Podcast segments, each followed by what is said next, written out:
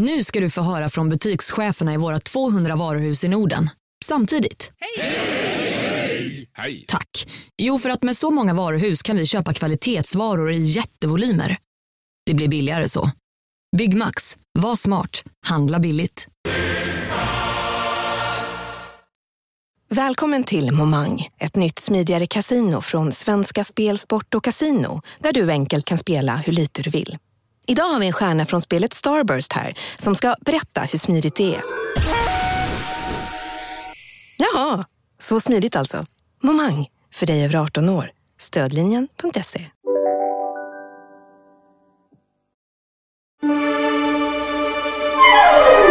Du lyssnar på en podd från Perfect Day.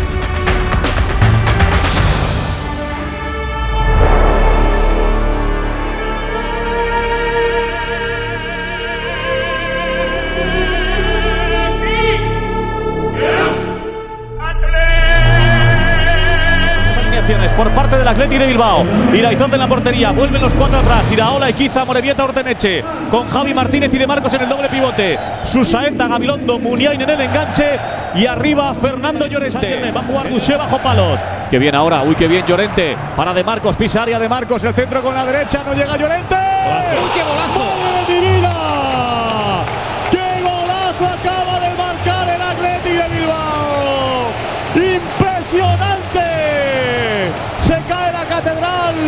Porque parecía que la pelota podía ser un milagro que entrara, pero cómo entró, como uno bus, la enganchó de volea según caía y qué golazo acaba de marcar el Atleti por medio de Gabilondo con la zurda.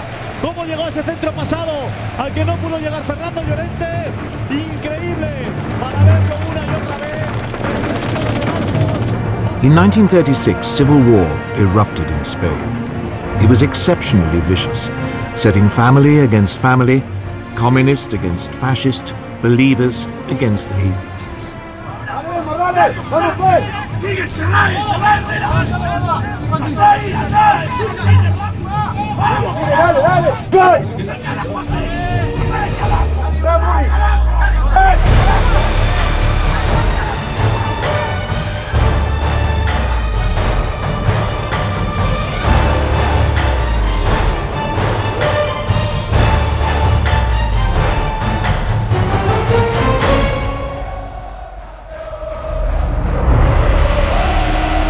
Jag brukar tjata om att alla som verkligen gör allt de kan med vad de har är värda respekt.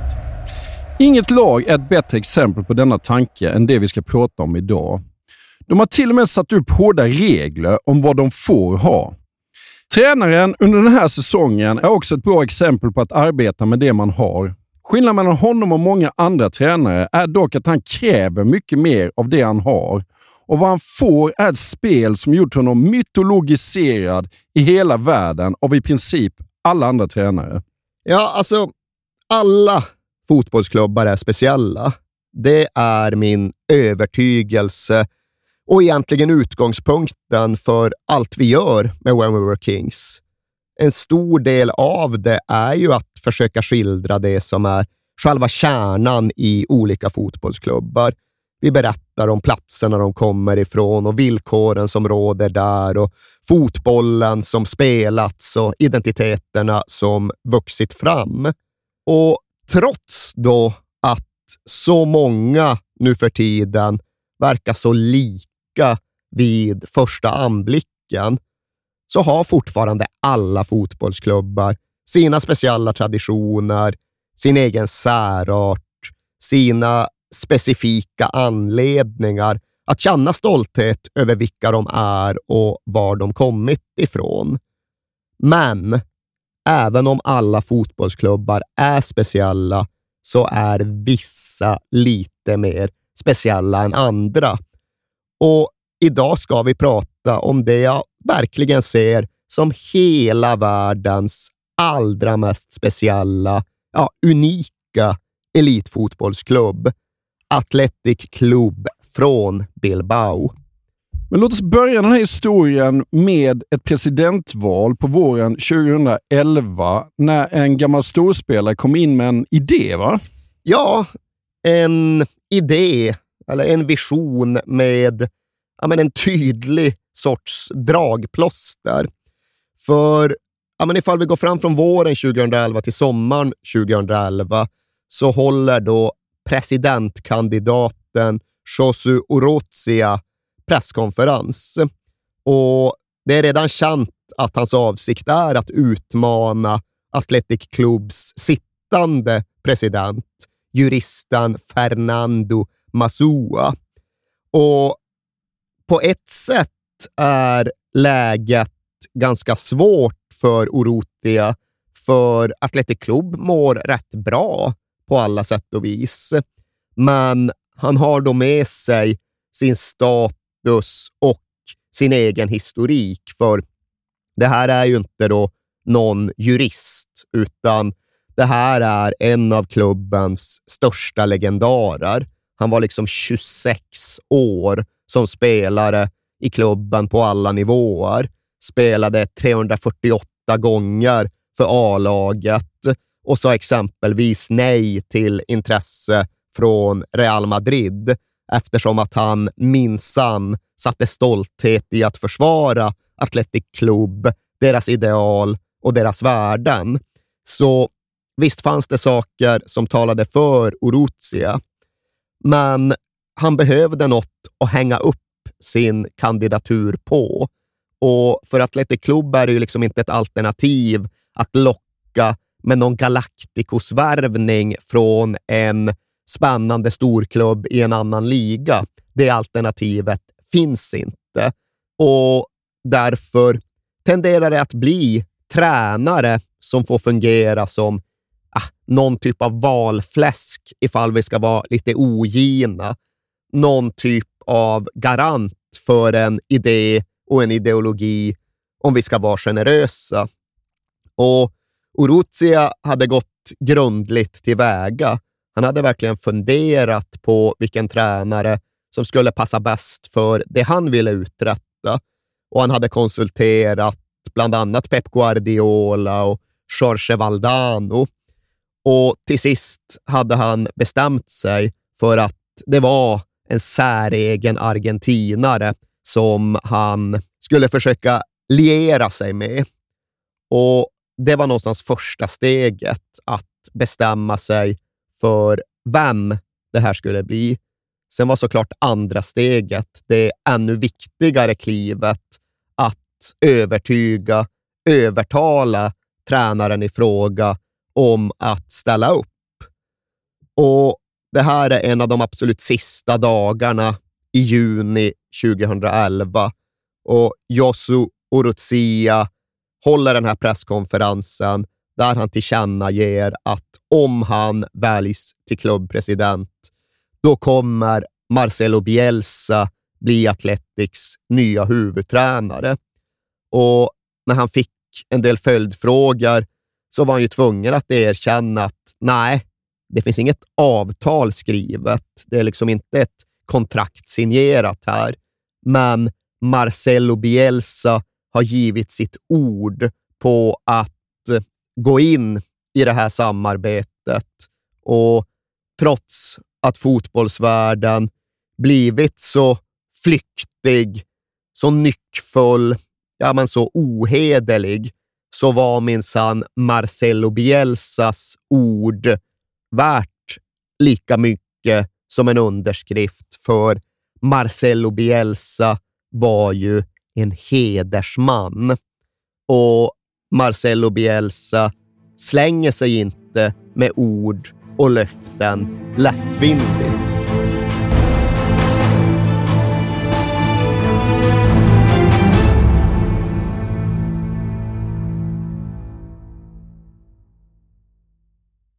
Håkan, Ja. vi har ju en 90-åring med oss precis som vanligt. Och det är ju Verkligen. Svenska Spel och Stryktipset. Ja, Mm. och därför är det så bra att vi är sponsrade av Stryktipset. Ett spel från Svenska Spel, Sport och Casino för dig över 18 år. Exakt.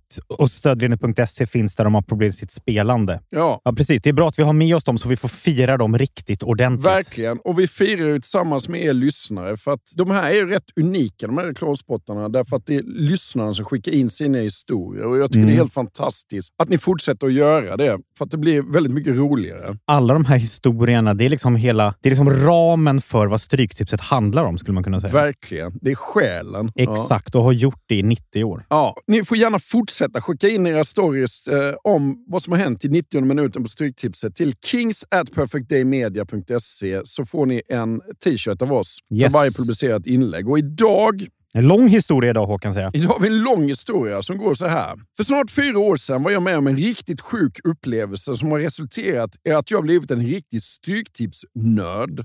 Det var coronatider och Premier League-premiär. Jag och min sambo skulle hem till svärföräldrarna på middag, men innan vi åker dit hinner jag lägga en liten slumpartad 64-raderskupong. Championships-matcherna var det bara att blunda, chansa och hoppas på det bästa. Men Premier League har man ju lite kunskap om, så där vågade man tro på skrällchanser. Under middagen hade jag nästan helt glömt bort mitt spel, så jag tog upp telefonen och kollade lite snabbt på resultaten. Vad fan, alla första tio matcherna har ju gått in, så man var ju med i allra högsta grad. Jag slog igång tvn, såg på när Degerfors krossade Jönköping och 11 rätt var ett faktum. Nästa match var Liverpool-Leeds och där satt jag med ett kryss då Leeds var tillbaka igen i Premier League och vill nog ge Liverpool en utmaning. Liverpool tog ledningen tidigt i matchen, men visade verkligen att de var tillbaka igen efter nästan 20 år från fotbollens finrum. De lyckades kvittera kort efter Liverpools ledningsmål och det skulle visa sig bli en riktig jojo-match. 2-1, 2-2, 3-2, 3-3. Fram till 90 minuten stod det 3-3. Jag har 12 rätt och utdelningen är 20 000. Men Leeds nyförvärv Rodrigo Moreno får då för sig att ta bollen med handen efter Liverpool-hörna och dömer då straff till äckliga Liverpool. Ja. Oj! Ja. Ja, ja. Självklart gör Salah 4-3 från 11 meter och vinstsumman var nu på 5 000 kronor på 12 rätt.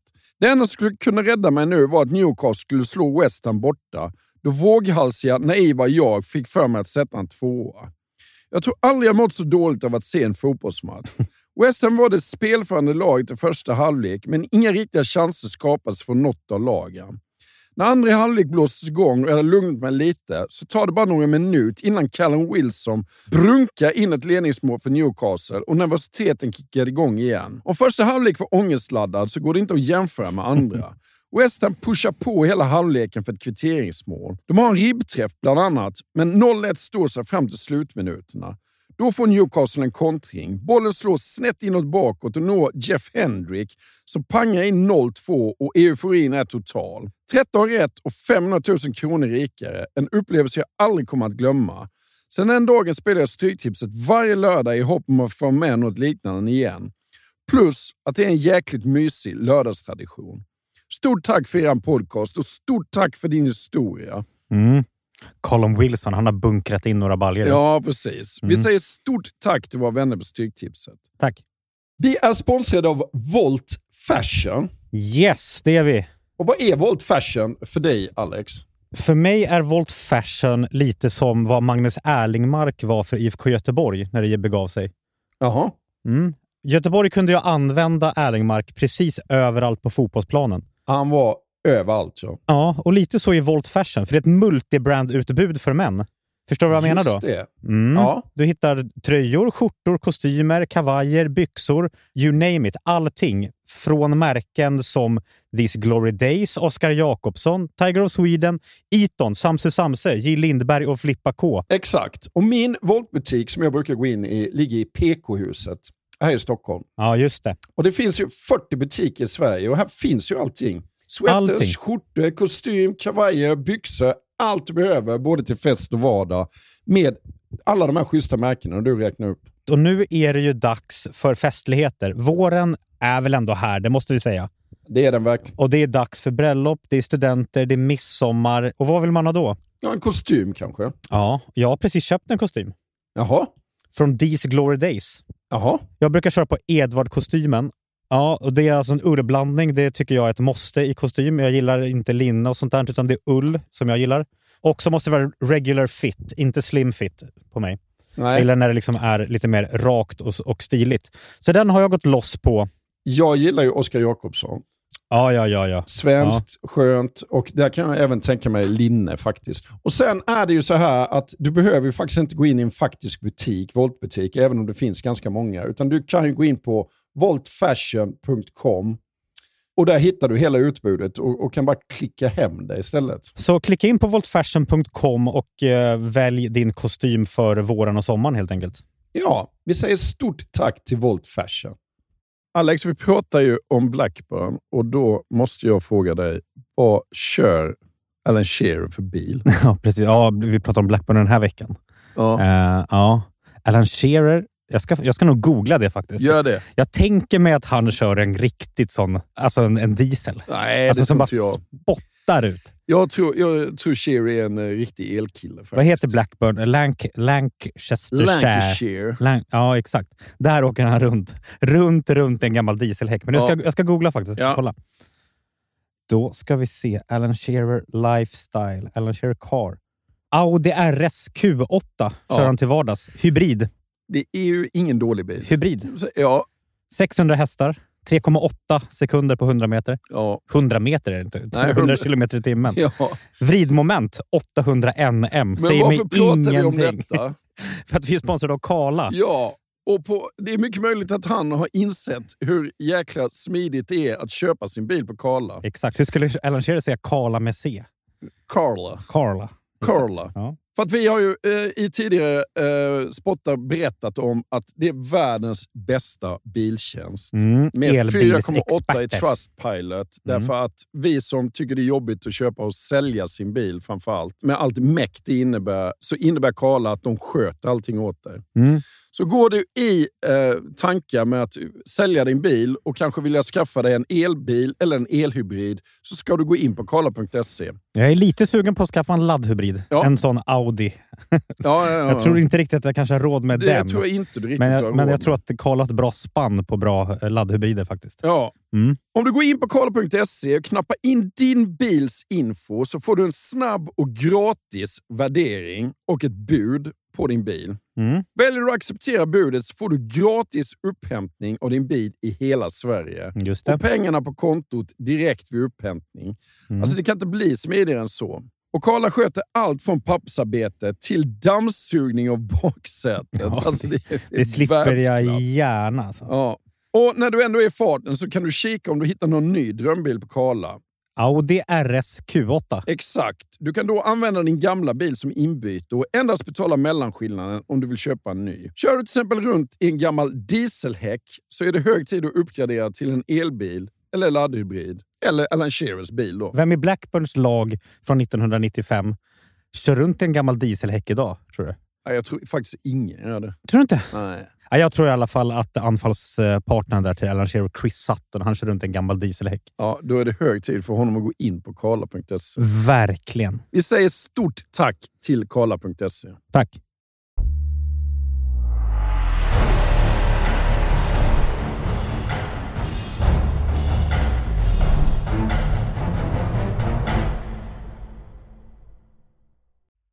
Ruzia vinner presidentvalet och Bielsa tackar ja och dundrar in. Nej, alltså han, han kom ju inte oförberedd. Han kom ju inte och började från noll, utan han hade ju ägnat sig åt en ganska grundlig utvärdering av Athletic Club på alla nivåer. Vi gick ju in i Chile-avsnittet att han var rätt glad i att titta på video. Jo, det är ju liksom den anekdot som liksom oftast återberättas om hur han ska ha tagit med sig 2000 matchfilmer till VM 2002 och hur han skulle ha haft den allra största samlingen i världen av fotbolls-VHS-er. Och det är väl inte klarlagt ifall något av det här stämmer, men man hoppas ju att allt som sägs om Bielsa är sant. Ja. Och man blir ju glad av att höra Oruzia liksom berätta om ja, men innehållet i den övertalningskampanj som han ändå bedrev. För ja, först så kretsade ju den just kring Athletic och deras ideologi. Men när väl Bielsa började närma sig ett ja, ja, då kom ju samtalen att bli mycket mer fokuserade på de sportsliga möjligheterna. Och där har ju Orutsia kommit med många fina skrönor om hur han vid upprepade tillfällen väcktes av Marcelo Bielsa som ringde in vid så här 00.45 på natten. Och Det kan ju delvis förklaras av tidsskillnaden, Ja. men det är ju ändå glädjande hur fullständigt Bielsa struntade i att respektera tidsskillnaden. Ja. För han fattade väl att det var mitt i natten för Oruzia, men det fick lov att kvitta. För nu behövde Bielsa reda ut huruvida den 20-åriga försvararen John Autenetche från reservlaget kunde användas både som ytterback och som mittback. ja. För Bielsa hade ändå sett tecken på matchfilmerna från reservlaget på att det kunde bli på det sättet. Och här behövde ju Oruzia kunna svara, för det här är ju någonstans ett test från Bielsa. Bielsa är ju väldigt mycket så att han inte bara väljer sin klubb och han väljer definitivt inte bara sitt lag. Han väljer ju även sin klubbpresident. Ja. Och här hade ju förmodligen den här juristen varit rätt chanslös. Men Oruzia, som gammal storspelare, som fotbollsman, ja, men han hade både förmågan och för den delen även uthålligheten att lägga en och en halv timme mellan 00.45 och vad blir det, 02.15 mm. på att prata om exakt vilka positioner som John Autenetche kunde tänkas användas på. och när Bielsa väl hade accepterat, när Bielsa väl anlände till Bilbao, så kom det fram att han då hade närstuderat 97 av klubbens matcher. Hur många han bara hade skummat igenom, ja, det vågar jag inte ens tänka Nej. på. Sen, ja, jag vet inte, Bielsa skummar nog inte igenom någonting. Nej. Men 97 matcher med Atletic och deras reservlag hade han då närstuderat. Och där fanns det liksom väldigt intrikata och detaljerade färgscheman som man hade kodat in sina slutsatser i.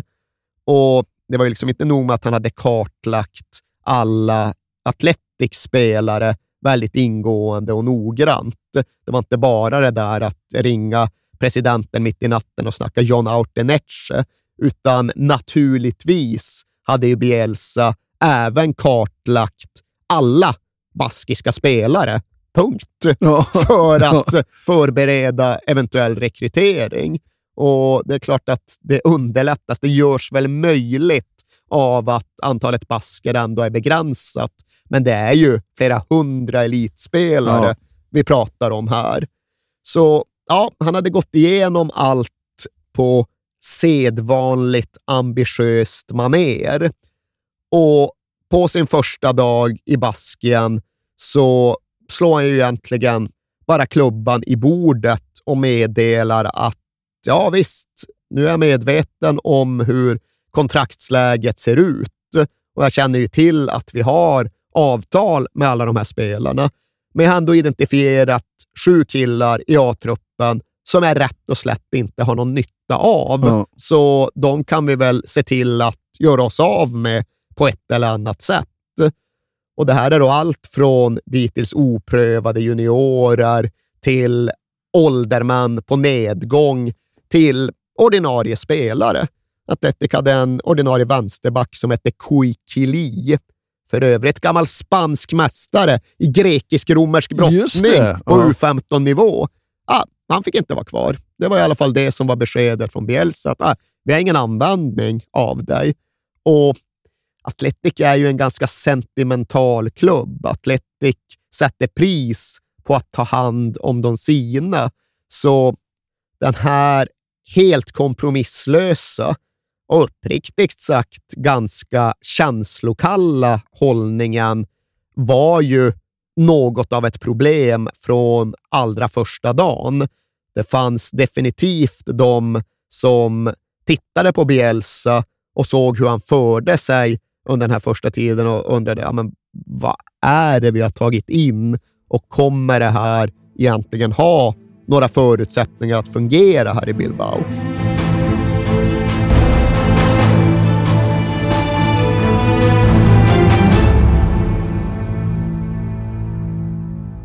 Och efter den här katastrofala eh, starten så är det ju dags för stormatch i Baskien. Derby. Ja, det är derby på programmet, men redan dessförinnan faktiskt även ja, men en sorts tillfälle till lite respit.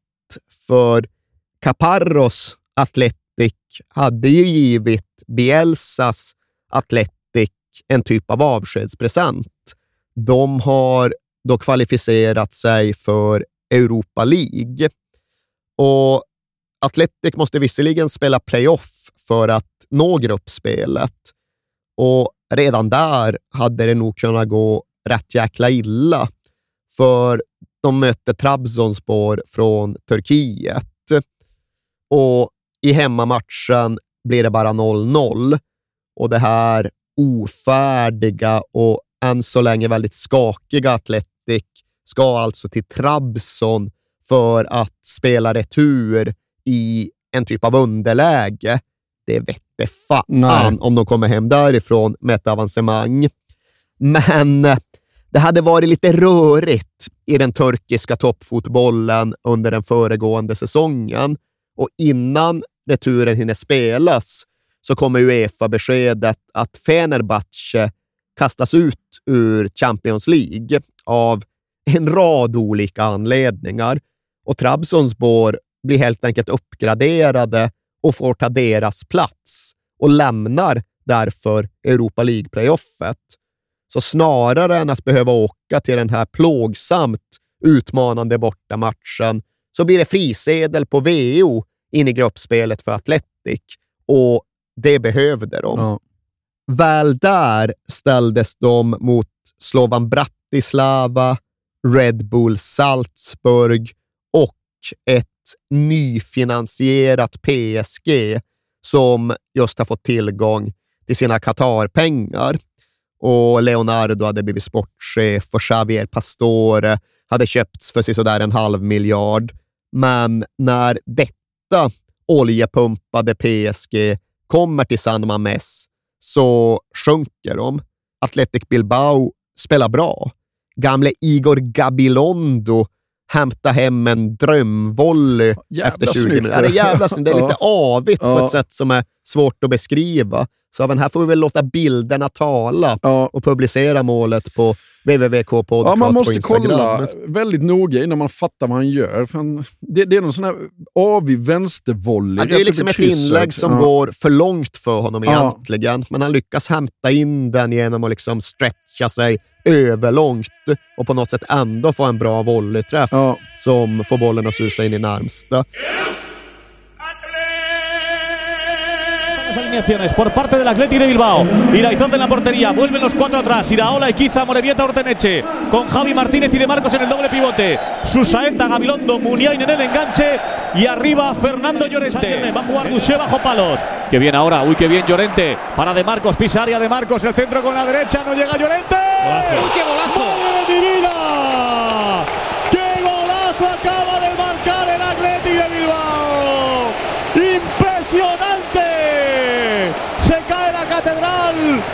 Parecía que la pelota podía ser un milagro que entrara. Pero cómo entró, como uno bus, la enganchó de volea según caía.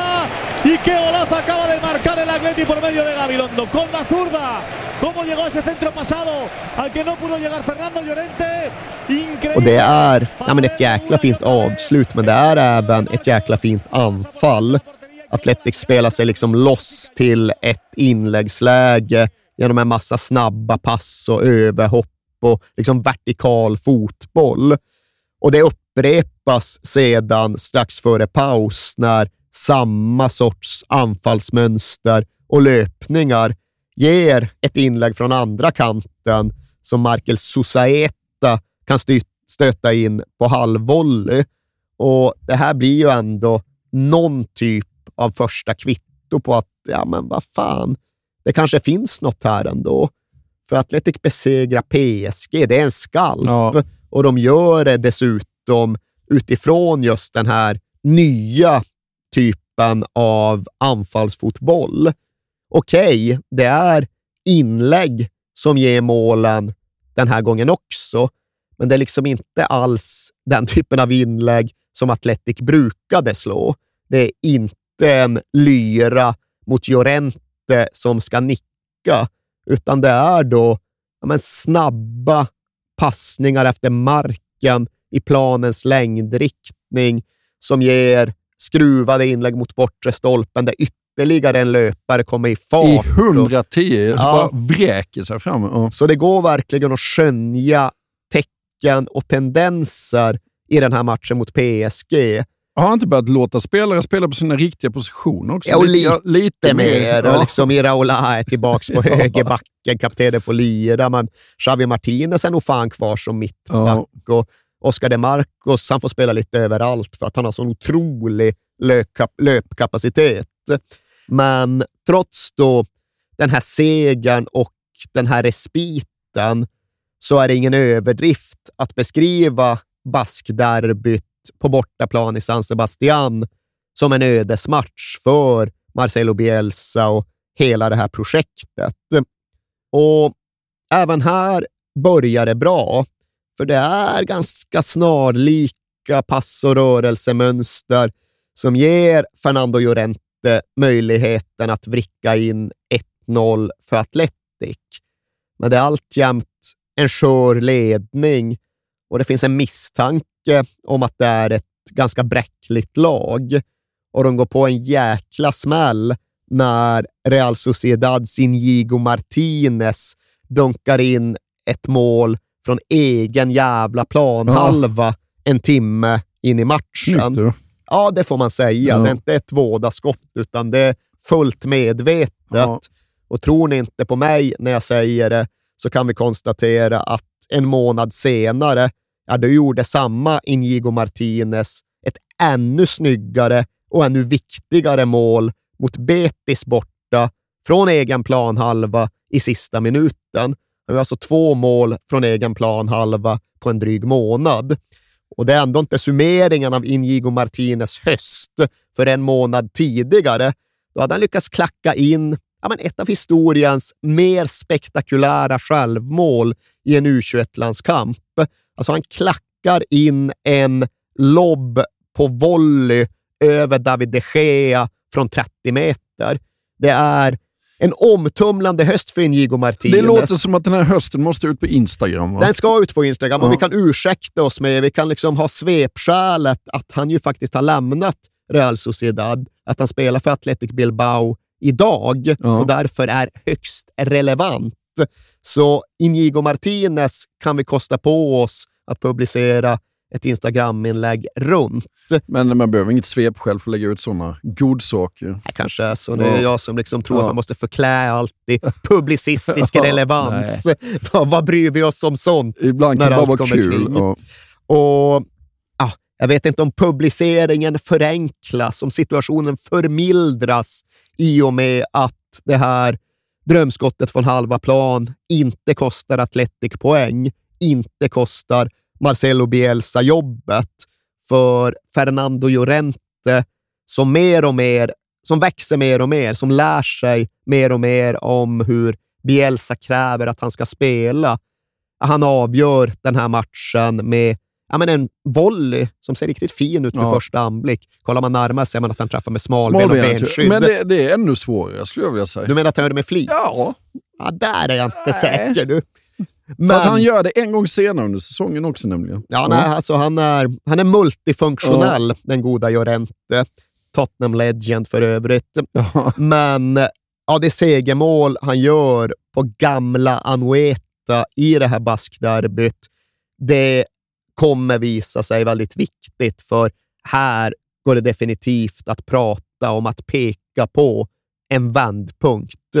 De behövde vinna mot Real Sociedad. De mådde bra av att besegra PSG några dagar tidigare och på andra sidan av de här matcherna, då ser plötsligt allt mycket ljusare och mycket tydligare ut.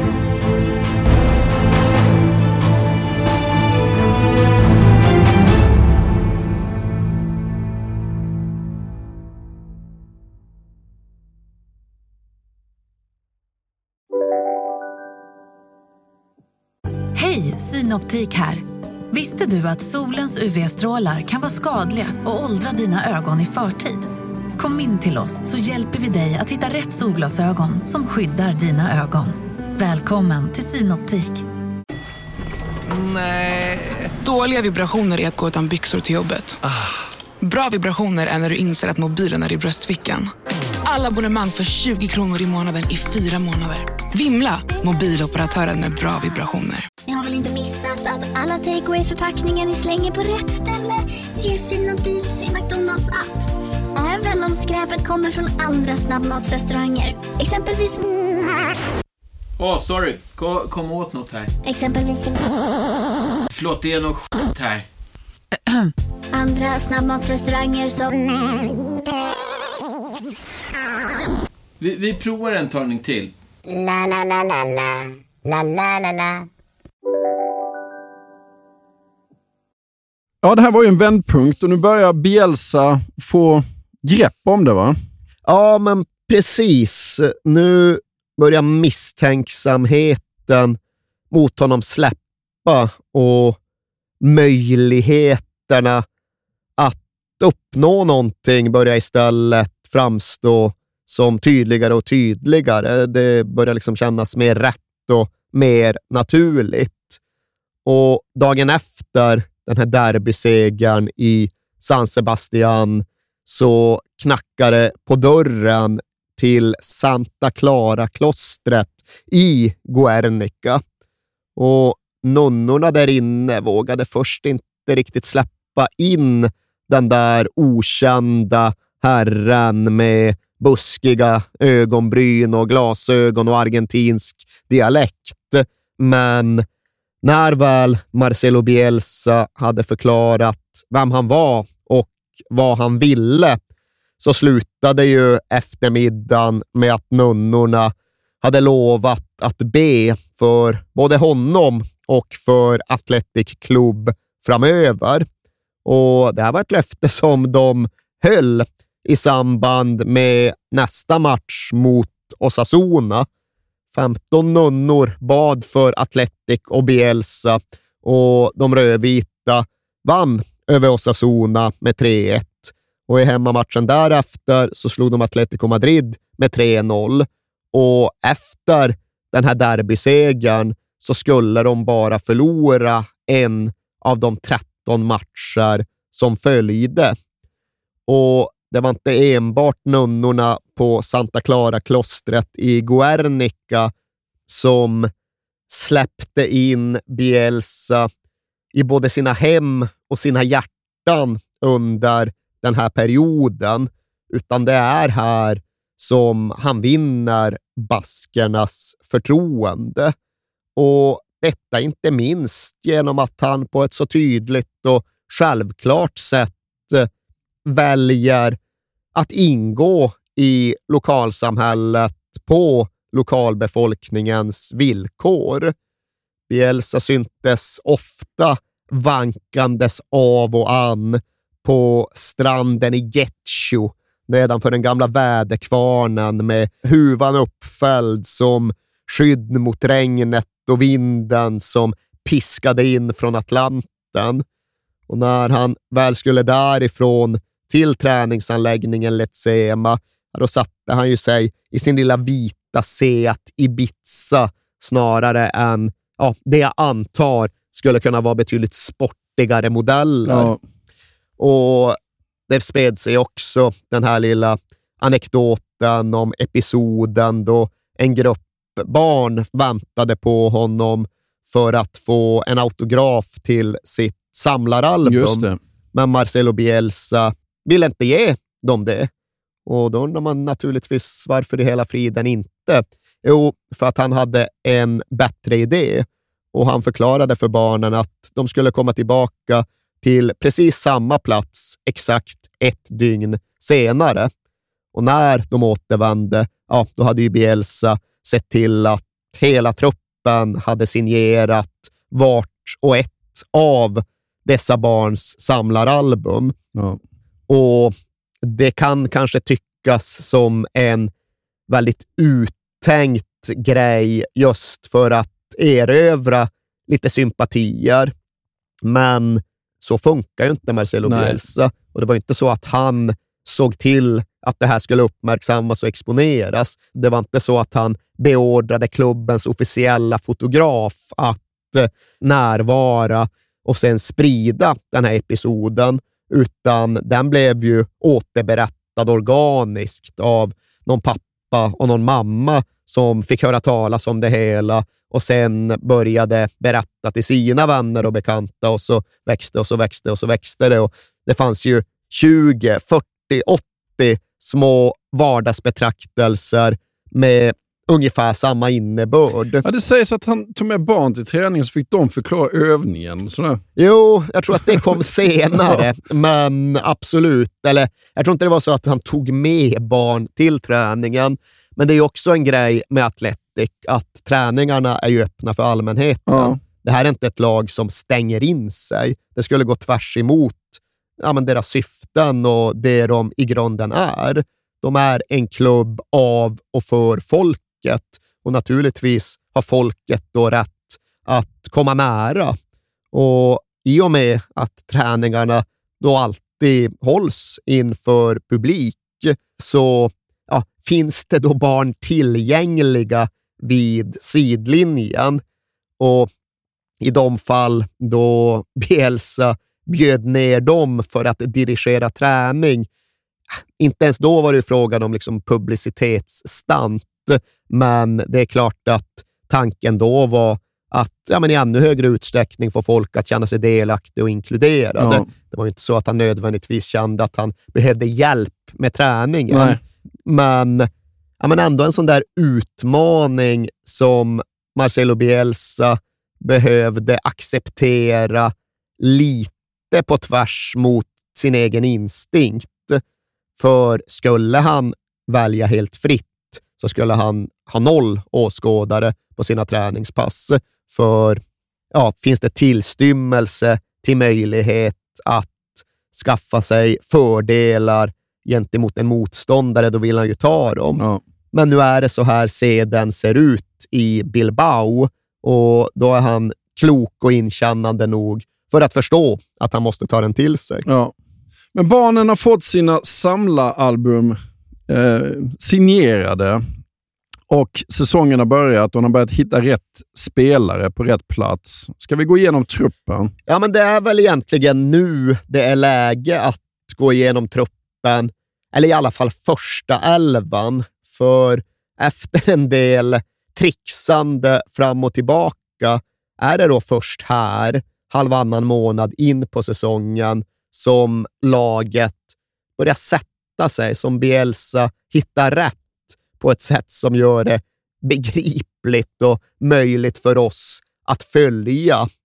Och här har han också resignerat inför att den 3-3-1-3-modell som han i grunden hade tänkt sig att använda inte riktigt funkade på den här spelargruppen. Så han har gått över till ja, men en sorts 4-3-3 eller Ja. en 4-2-3-1 om ni nu så föredrar, men definitivt ändå med en fyrbackslinje. Och ifall vi drar elvan som han i hög utsträckning skulle hålla fast vid oförändrad, ja, då har vi ju definitivt 30-åriga Gorka Iraizos i mål. En robust keeper från Pamplona som varit självskriven i ja, men fem säsonger. Han hade haft lite utflykter. Han hade varit en studs i Athletic och sen hade han lämnat och sen hade han kommit tillbaka.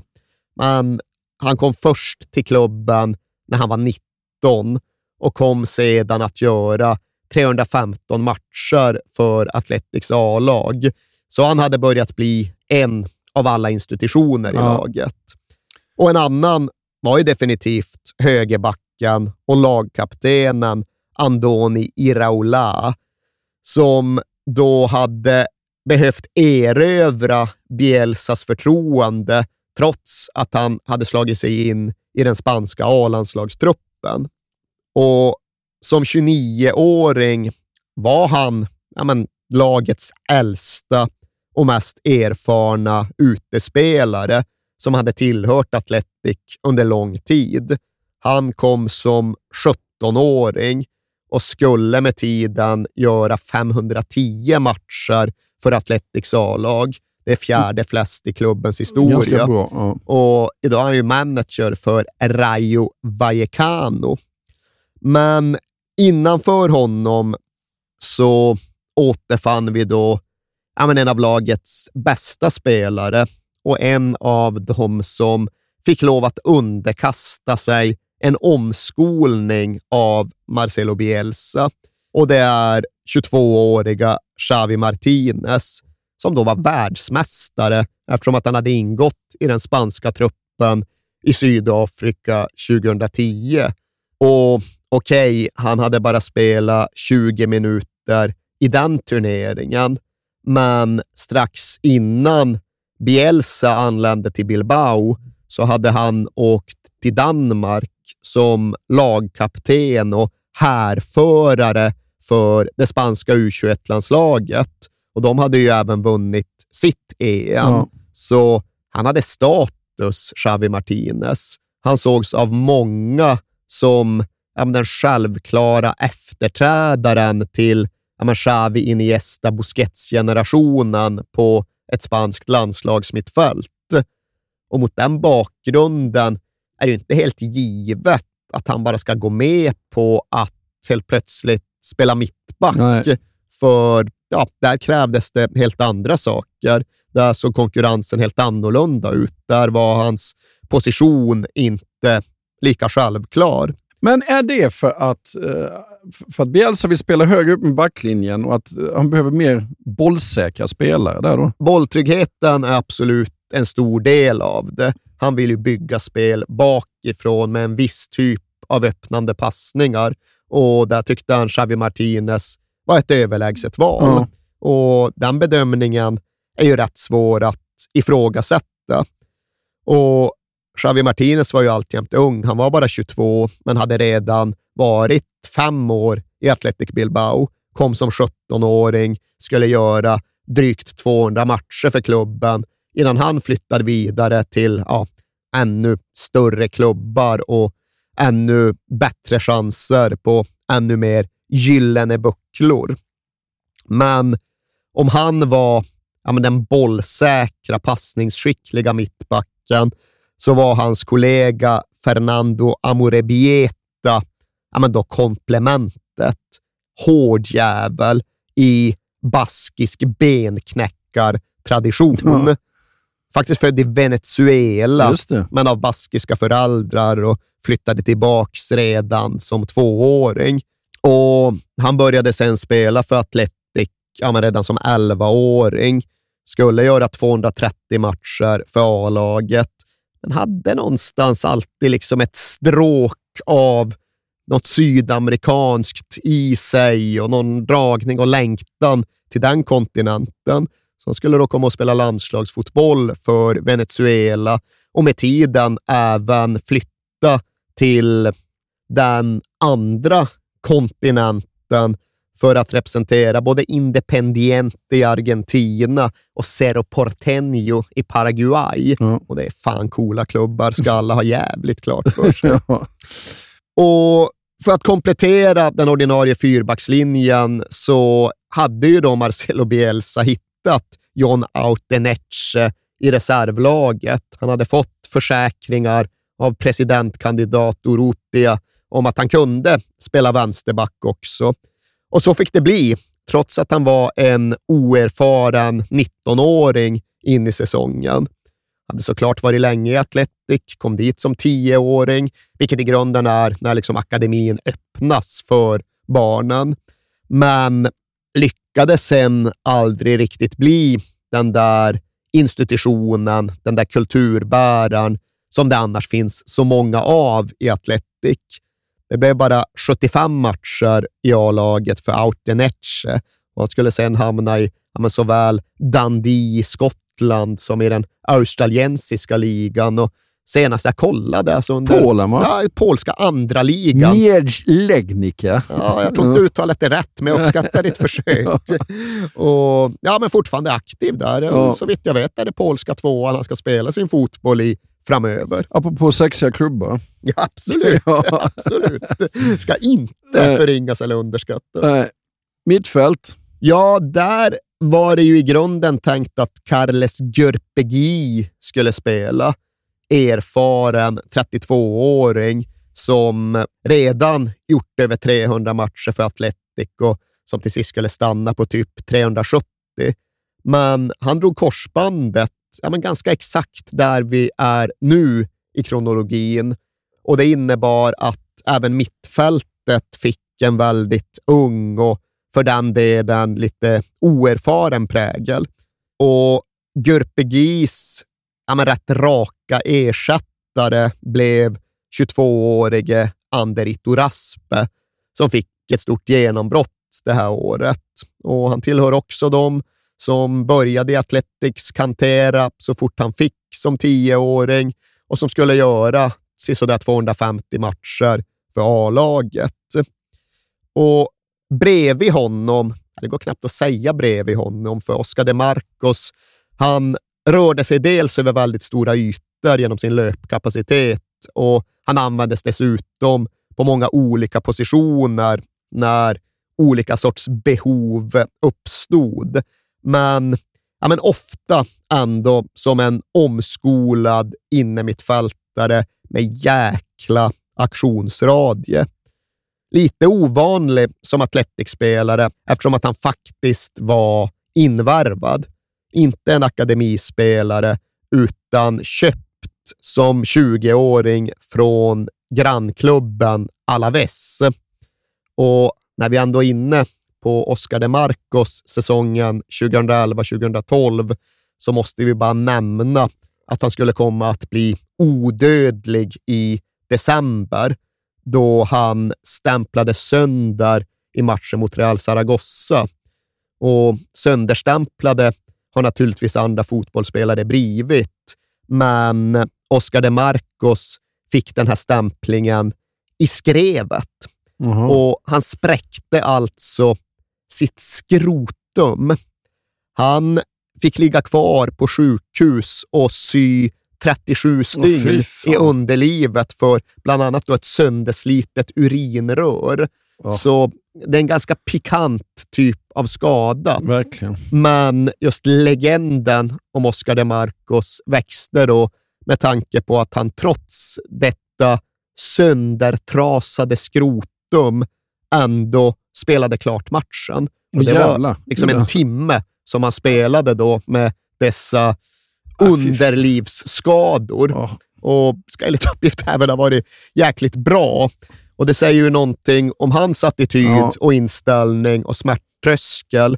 Och där någonstans finns såklart en stor del av förklaringen till att han skulle komma och göra 340 matcher för Athletics A-lag. Ja.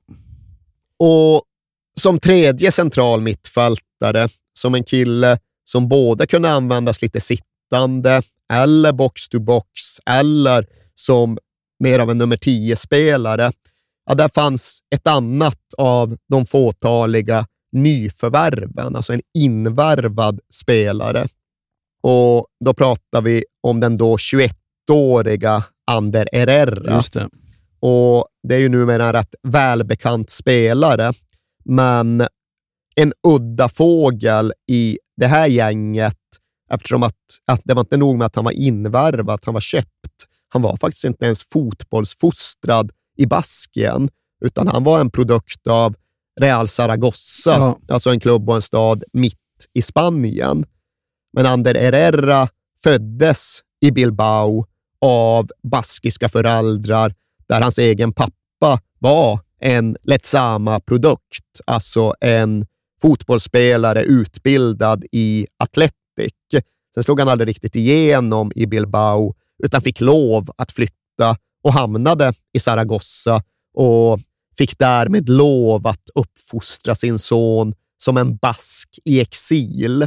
Men nu återvände Ander Herrera till fäderneshuset, föräldrastaden. Men Herrera är väl än idag Zaragoza to the bone, tror jag. Ja, han är väldigt engagerad ja. i Real Zaragozas väl. Alltså, han är ju en av men alla läktarkillar i det här laget. Ja. För så gott som alla andra har gått på Athletics matcher från barnsben och det är liksom helt självklart, det är helt givet. Med Ander Herrera så har det blivit en kanske lite större grej för att det är lite mer ovanligt i andra fotbollsstäder Och det gjordes ett rätt stort nummer när han först slog igenom att oj, här kommer minsann en kille från läktaren, från kortsidan, som brukade åka på bortamatcher. Och absolut, det är grymt med Ander Herrera. Han är en fantastisk fotbollsman.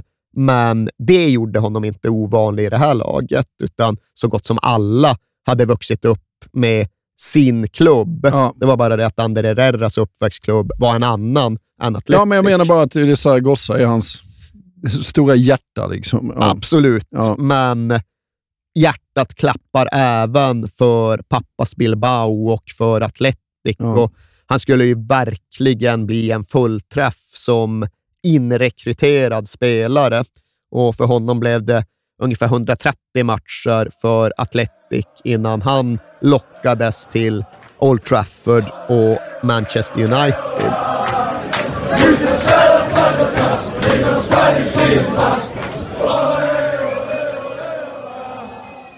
Ja, och framåt. Ja, där har vi, ja, men vi kan, om vi ställer upp det som en 4-3-3 så är Markel Susaeta högerbreddaren i fråga.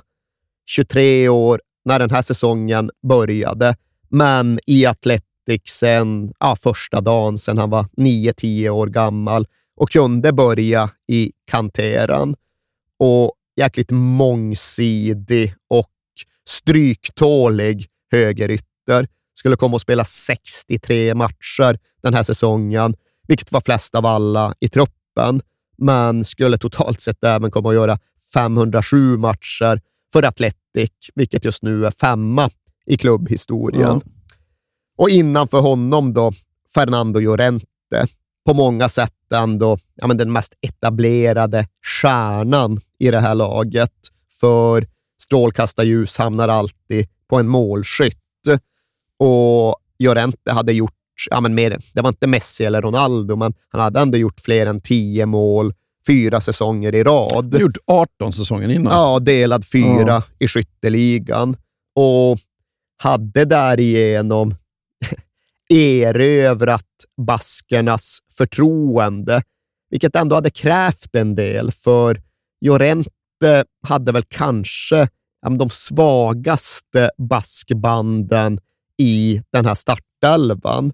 Han var född och hade sina barndomsår ja, men i Spanien och blev enbart tillgänglig för Atletic i och med att han hade familjerötter i Pamplona, som även det är lite, så lite halvbaskien för de som ja, men verkligen är renläriga.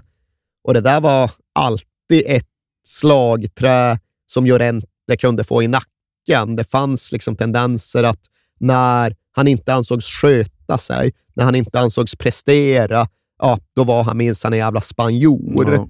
Men i det här skedet av hans karriär så var han extremt omtyckt och uppskattad för att han var så jävla bra och nyttig. Ja.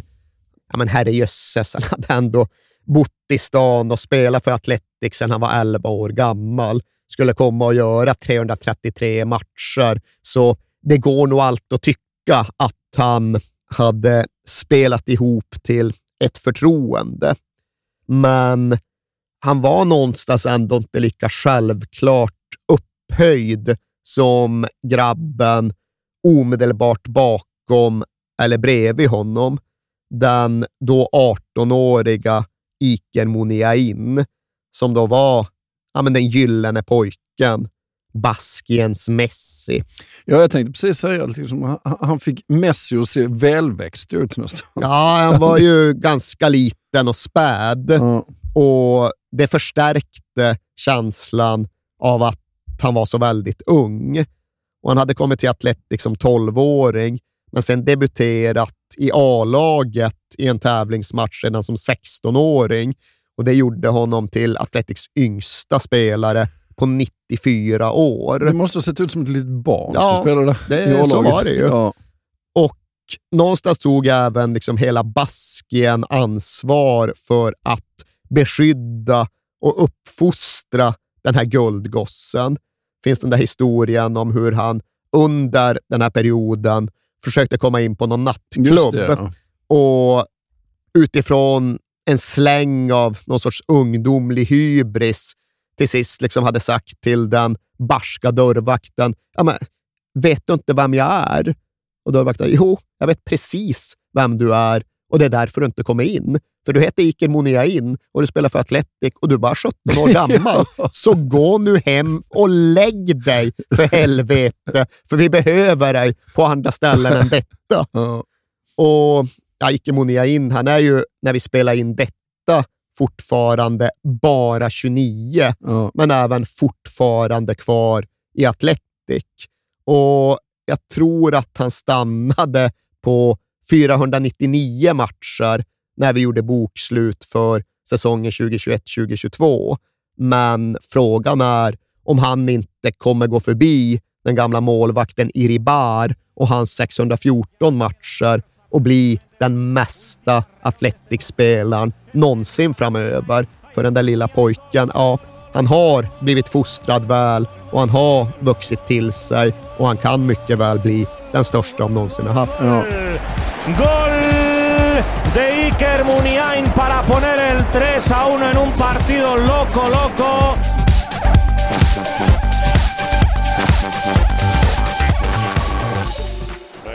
Vad andra du vill nämna i truppen? Alltså det var väldigt mycket en elva som fick förtroende. Men absolut, jag vill väl även nämna till exempel 22-årige Mikkel San José som var komplementspelare den här säsongen, men som skulle komma att göra typ 400 matcher för Athletics A-lag. De gör rätt många matcher. Det är onekligen Ja. en av de sakerna som jag vill att du ska ta med dig från den här truppgenomgången. För dels preciserade jag alla spelares ålder av en anledning och den anledningen var ju att det var ett väldigt ungt gäng. Ja. Det var bara två spelare äldre än 26 och det var målvakten och högerbacken. Men därtill tjatade jag ju mig igenom alla de här totalsiffrorna över antal matcher för att illustrera ja, men hur trogna Athletics spelare tenderar att vara en klubb och för den delen en sak. För det är också en grej som särskiljer dem, att de utgår från en övertygelse om att det är viktigare att behålla talang än det är att rekrytera den. Ett bra transferfönster för Atletic är ett transferfönster där inget händer. Och den idén gör dem ovanliga, inte bara i en fotbollskontext, utan utifrån någon form av övergripande samhälleligt synsätt. För jag såg en undersökning som hade gjorts av den amerikanska arbetsmarknaden och de hade då riktat in sig på ungdomar mellan 16 och 35. Och Det är ju brett räknat samma åldersspann som ja, men de här fotbollsspelarna befinner sig i. Och vet du hur lång liksom, snitttiden är för en period på en och samma arbetsplats för den här gruppen? Hur Fem- länge stannar de på ett jobb? Fem år. 1,6 år. Det är tydligen den genomsnittliga tjänstgöringstiden på en och samma arbetsplats nu för tiden. Och I så, USA Ja, då? är det så det ser ut Ja. i USA så kommer det hit fem år senare. Ja, ja. Men jag, liksom, jag blir inte chockad. Jag känner ju igen tendensen. Det är ju ett samhälle som uppmuntrar och nästan till dyrkar förändring och idén om någon typ av självförverkligande därigenom. Liksom förr i tiden så fanns det ju något fint i liksom guldklockan du kvitterade ut efter 25 års tjänstgöring på en och samma arbetsplats. Och jag är själv uppvuxen med den ganska liksom klaustrofobiska idén om att du går ner i gruvan när du är 18 och sen kommer du inte upp förrän du är 65. och liksom... Låter lite dystert. Ja, det, men Ja. det behöver inte värderas Nej. nödvändigtvis, men just den här förändringen i hur det brukade vara och hur det har kommit att bli, den tror jag är väldigt relevant utifrån en hel rad olika typer av analyser. Men i just det här fallet så är den ju värd att peka på just för att Atletic tänker annorlunda, fungerar annorlunda, eftersträvar andra ideal och andra utfall. Och också att förhållandevis, för att vara den här klubben, så betalar de ganska bra lön också. Ja, alltså, de har ju resurser. Det kan absolut vara värt att betona, ifall det inte redan är klart, att Atletic är ingen liten klubb. Det är inte ett byagäng från en fattig del av världen som måste vända på varje krona och spelar inför en snittpublik på 8200, utan det är ju en bjässe Ja. som säljer ut en arena med 50 000 platser lite drygt vecka efter vecka och som såklart har starkt, starkt stöd av ett näringsliv i en region som numera är ganska välmående. Ja, och sen så de, de, kan ju inte köpa så mycket. Nej, det är klart Det är att inte sådär, ja nu köper vi den här. det är ju delvis av nödvändighet, men för att det här ska hålla ihop så måste det ju gå i båda riktningar. Det spelar liksom ingen roll hur mycket Atletic vill behålla sina spelare ifall inte spelarna köper in sig. Nej. Och det är ju det mest anmärkningsvärda, att i dessa tidevarv av 1,6 år på den ena arbetsplatsen innan du byter, i denna fotbollsvärld där du har en hel agentindustri som manar till klubbyten och karriärsklättring vid varje givet sign-on-bonustillfälle, ja, då är det rätt svårt att begära att 23-åringar med drömmar och ambitioner och möjligheter ska välja att avstå från mer lukrativa kontrakt i någon mer exponerad klubb i någon annan del av världen för att stanna i Bilbao. Ja. Det kräver mycket och det kräver nog precis den här liksom mänskliga investeringen i ja, men, ungdomar från den första till den sista dagen. Du måste ju få de här fotbollsgrabbarna, de här fotbollstjejerna att verkligen värdesätta Atletic och klubbens vidare betydelse. Och det är klart att i någon mån kan du ju göra det genom att bara höja lönerna lite mer.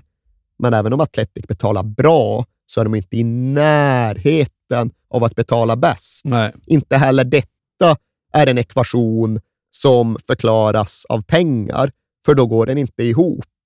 Utan det här är en modell som bara inte kretsar kring att köpa och sälja, utan det här är en modell som utgår ifrån kontinuitet i ordets sanna på många sätt vackraste bemärkelse.